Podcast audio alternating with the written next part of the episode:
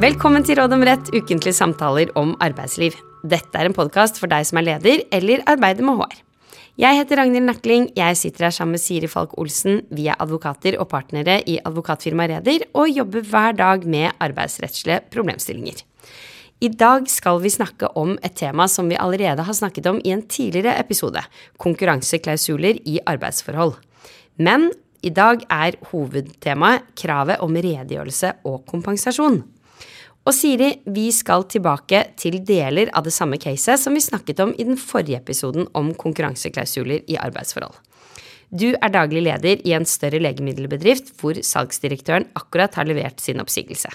Det har over tid vært litt gnisninger siden han har gitt uttrykk for at lønnen er for dårlig, og flere ganger så har han sagt at han har fått et mye bedre tilbud hos konkurrenter, og at han vurderer å slutte. Nå har han bestemt seg. Han har takket ja til tilbud som salgsdirektør hos hovedkonkurrenten deres. Og dette er en stor utfordring for deg og resten av ledergruppen. Det er hard konkurranse i bransjen, det er små marginer, og som salgsdirektør så har han inngående og oppdatert kjennskap til kalkyler, priser og kundeavtaler. Du og ledergruppen har allerede ryddet av veien noen utfordringer. Dere har funnet ut at salgsdirektøren har en konkurranseklausul i arbeidsavtalen, men dere vet nå at den kun kan gjøres gjeldende i maksimalt 12 måneder, og ikke 18, som det sto der. Videre så vet dere at det ikke er aktuelt å håndheve konkurranseforbudet overfor fire selgere som akkurat har mottatt oppsigelse etter en lenge planlagt nedbemanning, rett og slett fordi det ikke er lov. Nå har det gått tre uker siden salgsdirektøren leverte oppsigelsen sin. Ledergruppen skal ta en endelig beslutning om dere ønsker å håndheve konkurranseforbudet.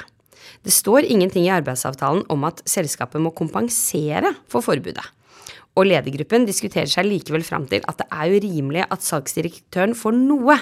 Dere finner ut at rimelig, det er 30 lønn i perioden. Det er jo urimelig at han skal stå helt på bar bakke i denne tiden. Ledergruppen mener likevel at 30% må være nok, fordi salgsdirektøren tross alt har hatt en veldig høy lønn, han har fått to millioner i året, og det er urimelig at han skal få fullt betalt for bare å gå hjemme og ha fri. Idet du endelig har fått komme deg til at du skal gi beskjed til salgsdirektøren om at han nok må vente med å avtale oppstart hos konkurrenten, men at dere har tenkt å betale han 30% lønn i den aktuelle perioden, så kommer selskapets internjurist på banen igjen. Dette er heller ikke så rett frem som dere tror. Hun sier at arbeidsmiljøloven oppstiller strenge krav til kompensasjon, og at det ikke er nok å betale 30% lønn i perioden som forbudet gjelder. I tillegg så sier hun at det i loven er et krav om skriftlig redegjørelse, og hun tror at fristen for å gi en sånn redegjørelse allerede er oversittet. Har internjuristen rett? Er det krav om kompensasjon selv om det ikke står noe i arbeidsavtalen om dette? Og hva er det her med krav om redegjørelse, hva slags frist det gjelder, og hva fører det til, hvis fristen er oversittet? Siri, hva sier du til daglig leder? Ja, jeg vil si at igjen så har denne internjuristen rett i mye av det hun tar opp, men ikke alt. Og hvis vi da begynner med spørsmålet om kompensasjon, er det riktig at arbeidsgivere må betale kompensasjon i den perioden en konkurranseklausul gjelder? Ja, det er helt riktig. Som vi var litt inne på i den tidligere episoden om konkurranseklausuler, så var det før 2016 ingen regler i arbeidsmiljøloven som, som regulerte dette eh, med konkurranseklausuler. Det var likevel en ganske utbredt praksis å ha sånne klausuler i arbeidsavtaler til, til visse grupper ansatte, særlig ledende ansatte. Og da var det en veldig varierende praksis knyttet til dette med kompensasjon. Med reglene som kom i 2016, så ønsket lovgiver å rydde opp i denne praksisen. Og Det henger jo sammen med at en konkurranseklausul vil jo kunne være en ganske begrensende eh, for muligheten til å finne en ny jobb. Og Det er også bakgrunnen for at lovgiver eh, kom til da at det er riktig å stille krav til at denne typen klausuler den må kompenseres av arbeidsgiver. Nettopp for å sikre at, eh, at arbeidstaker får inntekt i perioden konkurranseklausulen gjelder. Så reglene i arbeidsmiljøloven innebærer sånn sett en anerkjennelse og lovfesting av at arbeidsgivere kan ha behov for å verne seg mot at ansatte begynner direkte hos eh, en konkurrent, men at hvis denne retten benyttes, ja, da må arbeidstaker kompenseres. Og hvor mye må man kompenseres? Er ikke 30% av lønnen nok, sånn som i eksempelet med salgsdirektøren vår, i hvert fall når man har en så god lønn? Og gjelder det selv om arbeidstaker har skrevet under på en konkurranseklausul som ikke ikke si noe om kompensasjon, eller har man da gitt fra seg det kravet da, på kompensasjon? For å begynne med det første, første først, så er svaret på det nei. 30% av lønnen vil i de aller fleste tilfeller ikke være nok. Eh, unntatt i situasjoner hvor vi snakker om veldig høye lønninger. Jeg kommer litt nærmere tilbake igjen til det. Og I arbeidsmiljøloven så er det nemlig detaljerte eh, bestemmelser om minimumskrav til størrelsen på denne kompensasjonen. Eh, og For å svare på, på noe av det andre du tar opp, så gjelder disse reglene selv om det ikke står noe i arbeidsavtalen om at arbeidstaker har rett på kompensasjon. Eh, legemiddelbedriften i eksempelet vårt kan derfor ikke vise til at ja, men salgsdirektøren vår, du har jo underskrevet på en avtale hvor det ikke står noe om kompensasjon. Eh, det hjelper ikke. Reglene om kompensasjon i arbeidsmiljøloven de gjelder uansett, disse minimumskravene. Og hva, hvilke regler gjelder da? Hvor mye må arbeidsgiver betale? Ja, det er jo det ofte arbeidsgivere er mest opptatt av. Hvor mye må, må vi betale for dette? Eh, og vi møter ofte arbeidsgivere som syns at disse reglene er kompliserte. Og det har jeg en viss forståelse for. Det som står i loven, det er at hvis en konkurranseklausul gjøres gjeldende, så skal arbeidsgiver betale arbeidstakeren eh, kompensasjon tilsvarende 100 av arbeidstakers arbeidsvederlag opp til 8G, og deretter minst 70% av arbeidsvederlag over 8G. Og kompensasjonen beregnes på grunnlag av opptjent arbeidsvederlag de siste tolv månedene før eh, oppsigelses- eller avskjedstidspunktet. Og så står det også at kompensasjonen kan begrenses til tolv ganger folketrygdens grunnbeløp. Ja, I likhet med deg så har jeg jo forståelse for at mange arbeidsgivere syns at dette kan være ganske kompliserte regler. Kan vi prøve å bryte det litt opp, og så kan du forklare det enda enklere, kanskje? Ja, For det første så må arbeidsgivere huske at kompensasjonen skal beregnes ut ifra arbeidstakers arbeidsvederlag de siste tolv månedene. Og der fikk jeg senest i forrige uke et spørsmål fra en arbeidsgiver som skrev kan vi ikke bare skrive lønn her? Og da var svaret på det, hva tror du? Ja, og det, man kunne tenke seg at arbeidsvederlag var det samme som fastlønn, men, men det er det ikke. Eh, arbeidsvederlag omfatter både grunnlønn og tillegg. og Da snakker man både om faste og variable tillegg. og Det betyr at også bonus skal regnes med. Og feriepenger skal også anses som en del av dette begrepet arbeidsvederlag. Utbetalinger til dekning av Utlegg og naturalytelser skal imidlertid holdes utenfor. Det er ikke en del av arbeidsvederlaget. Og der kan vi også si at det skal jo da vurderes på den måten du sier, som er akkurat den samme måten som man vurderer det på etter ferieloven, hva man skal beregne feriepenger av. Ja. Men så kom du inn litt på disse G-begrensningene. 100% opp til 8G, 70% mellom 8 og 12. Hva betyr det i praksis? Det betyr at for arbeidstakere som har mottatt et arbeidsvederlag, da vet vi at det er litt mer enn en grunnlønn, de siste tolv månedene, eh, for de arbeidstakerne som har mottatt et arbeidsvederlag som tilsvarer 8G eh, eller mindre, dvs. Si ca. 850 000 kroner basert på dagens grunnbeløp, de, den gruppen ansatte skal få dekket 100% av dette beløpet i de månedene som konkurranseforbudet gjelder. Så hvis det er snakk om en konkurranseklausul som varer i seks måneder, så betyr det halvparten av dette beløpet, altså 425 000 kroner ca. Men hva med de som har hatt et høyere arbeidsvederlag enn 850 000 de siste månedene, sånn som salgsdirektøren i eksempelet vårt, som hadde en grunnlønn på hele to millioner. Hva skal arbeidsgiver betale da? Jo, da er det et krav om at arbeidsgiver må dekke minimum 70% av det arbeidsvederlaget som overstiger 8G men sånn at kompensasjonen kan begrenses til maksimalt 12 G. Vil si litt i underkant av 1,3 millioner. Og hvis arbeidstaker får ny jobb i denne perioden, fordi man kan jo få ny jobb så lenge man ikke bryter konkurranseklausulen, og får annen inntekt, får arbeidsgiver da både kompensasjon fra tidligere arbeidsgiver, i vårt eksempel legemiddelfirmaet, og den nye inntekten? Ja, arbeidstaker, tenker du da? Ja, arbeidstaker. Beklager. Mm. Ja. ja. Da er det en bestemmelse i loven som sier at det kan gjøres fradrag med inntil halvparten av kompensasjonen eh, for arbeidsvederlag eller arbeidsinntekt som arbeidstaker mottar eller opptjener i perioden dette forbudet eh, gjelder. Så hvis arbeidstaker skulle få annen inntekt i denne perioden på f.eks. 200 000, så kan inntil halvparten av dette, dvs. Si 100 000, trekkes fra kompensasjonen som arbeidsgiver må betale. Og Loven har også en egen bestemmelse om at, arbeids, eh, om at arbeidsgiver kan kreve eh, at arbeidstaker opplyser om altså, nye inntekter i perioden. Og hvis arbeidstaker ikke etterkommer dette kravet, så kan arbeidsgiver holde tilbake kompensasjon inntil disse opplysningene legges fram. Man har altså her en slags lovbestemt tilbakeholdsrett da, eh, inntil disse opplysningene legges fram.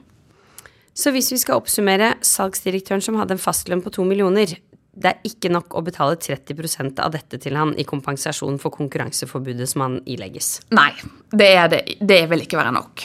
Eh, så selv om ledergruppen syns at det var et raust tilbud, så, så er ikke det nok.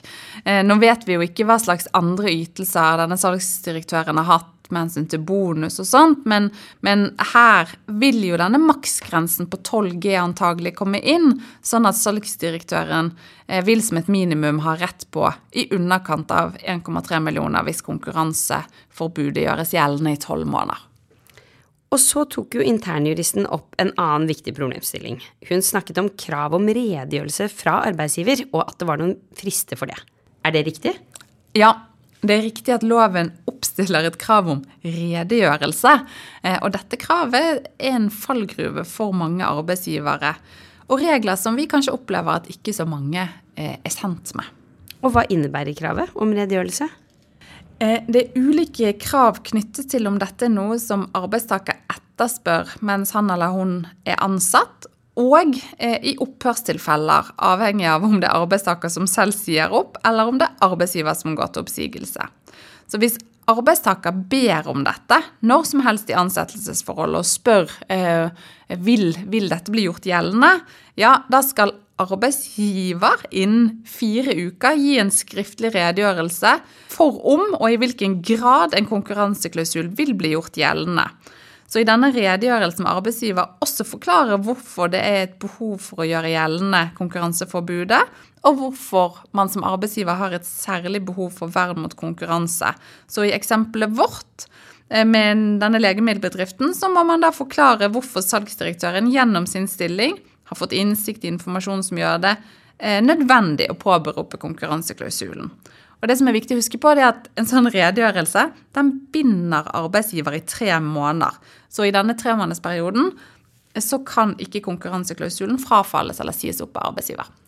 Og denne situasjonen er kanskje den vi får færrest spørsmål om, vil jeg si. Jeg har ikke vært borti mange situasjoner hvor en arbeidstaker spør om dette. Det kan sikkert ha skjedd, men jeg tror ikke det er mest vanlig. For det vi vanligvis får spørsmål om, er jo enten hvor arbeidstaker blir sagt opp pga. forhold ved seg selv, eller der hvor arbeidstaker selv sier opp stillingen som salgsdirektøren. Og hva gjelder da, når arbeidstaker selv sier opp? Hvilke frister gjelder da? Ja, hvis arbeidstakeren selv sier opp, og det ikke allerede foreligger en, en sånn bindende redegjørelse, som, som, du er helt inne på, det vil det ikke gjøre så veldig ofte, men i de tilfellene hvor arbeidstaker selv sier opp, så er det også en fire ukers frist fra oppsigelsen ble gitt. Og så siste situasjonen, hvis arbeidsgiver sier opp arbeidstaker pga. arbeidstakers forhold, altså ikke nedbemanning eller lignende, hva er fristen da? Ja, da er fristen eh, eh for redegjørelse at den skal gis samtidig med oppsigelsen. Eh, hvis igjen eh, det ikke for, allerede foreligger en sånn bindende redegjørelse. Så det er ganske viktig å huske på for arbeidsgivere. Og det, det kan jo være saker kanskje hvor man går til oppsigelse på, nettopp pga. at man har arbeidstakere som, som, driver og planlegger oppstart av konkurrerende virksomhet. På grunn av det arbeidsgiver ofte vil betegne som illojalitet. Da er det veldig viktig å huske på at hvis man i en sånn situasjon går til oppsigelse, eh, og man har avtalt konkurranseklausul, så må man huske å gi den redegjørelsen samtidig med oppsigelsen. Enig. Det er et uh, veldig godt poeng, og en litt, som du var inne på, det er en del fallgruver her for arbeidsgivere. Det er jo i ett tilfelle de har gitt en bitte litt lengre frist. Det er i avskjedstilfeller. Og hvis jeg husker riktig der, så er det der at redegjørelse skal gis én uke etter avskjeden. Det er helt riktig. Da har man en én ukes frist. Men det er også veldig kort frist som man må huske på, særlig med tanke på at avskjed er jo ting som det er situasjoner som kan oppstå ganske brått. da, eh, Og at arbeidsgiver da må huske på at dette kravet til redegjørelse også gjelder. Enig. Der er det mye være, man skal være bevisst og huske på som arbeidsgiver, og også som arbeidstaker, sånn sett. Men hva blir konsekvensene hvis arbeidsgiver da ikke har overholdt disse kravene eh, om redegjørelse? Jo, det er faktisk at konkurranseklausulen faller bort. Vil si at den ikke lenger er bindende for arbeidstaker.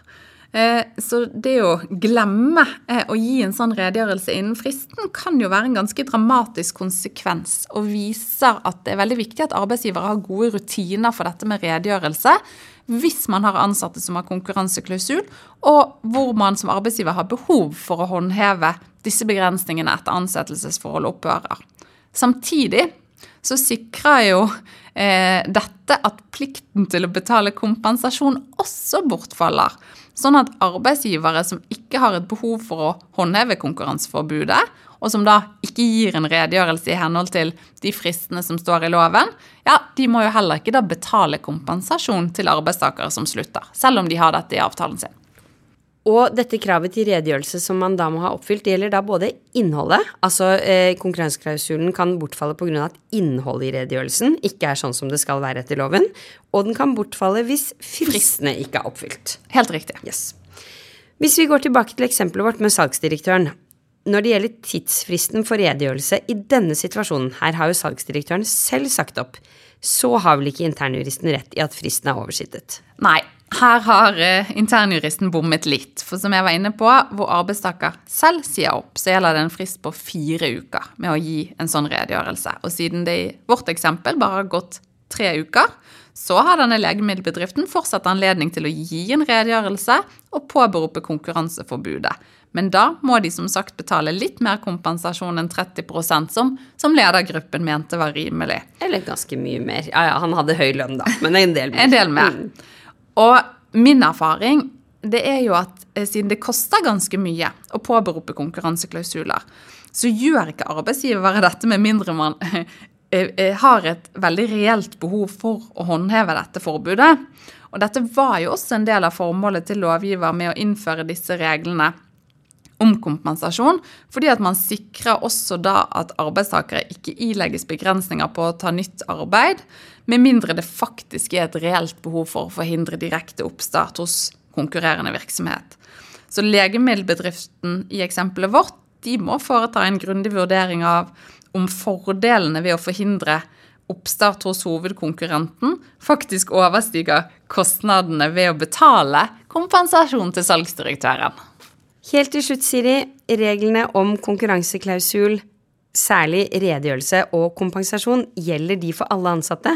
Nesten. Eh, men det er ett unntak, og det er virksomhetens øverste leder.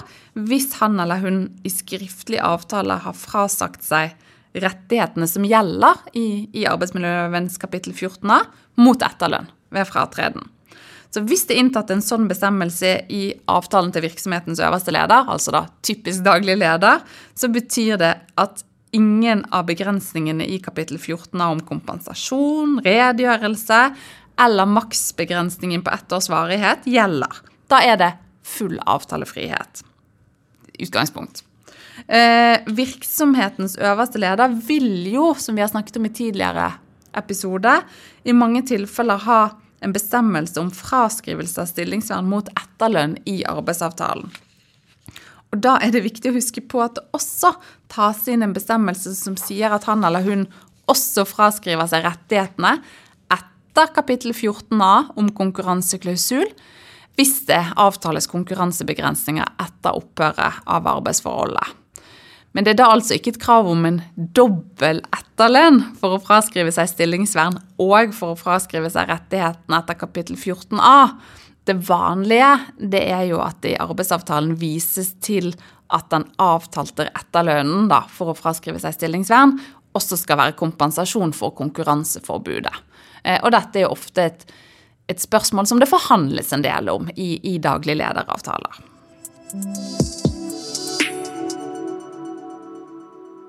Som vanlig avslutter vi med en oppsummering. Siri, tre oppsummerende tips til dagens tema om redegjørelse og kompensasjon ved konkurranseklausuler i arbeidsforhold. Ja, det har jeg. Eh, Arbeidsgiver må huske på at konkurranseklausuler de må kompenseres. Og at arbeidsmiljøloven oppstiller minimumskrav til størrelsen på denne kompensasjonen.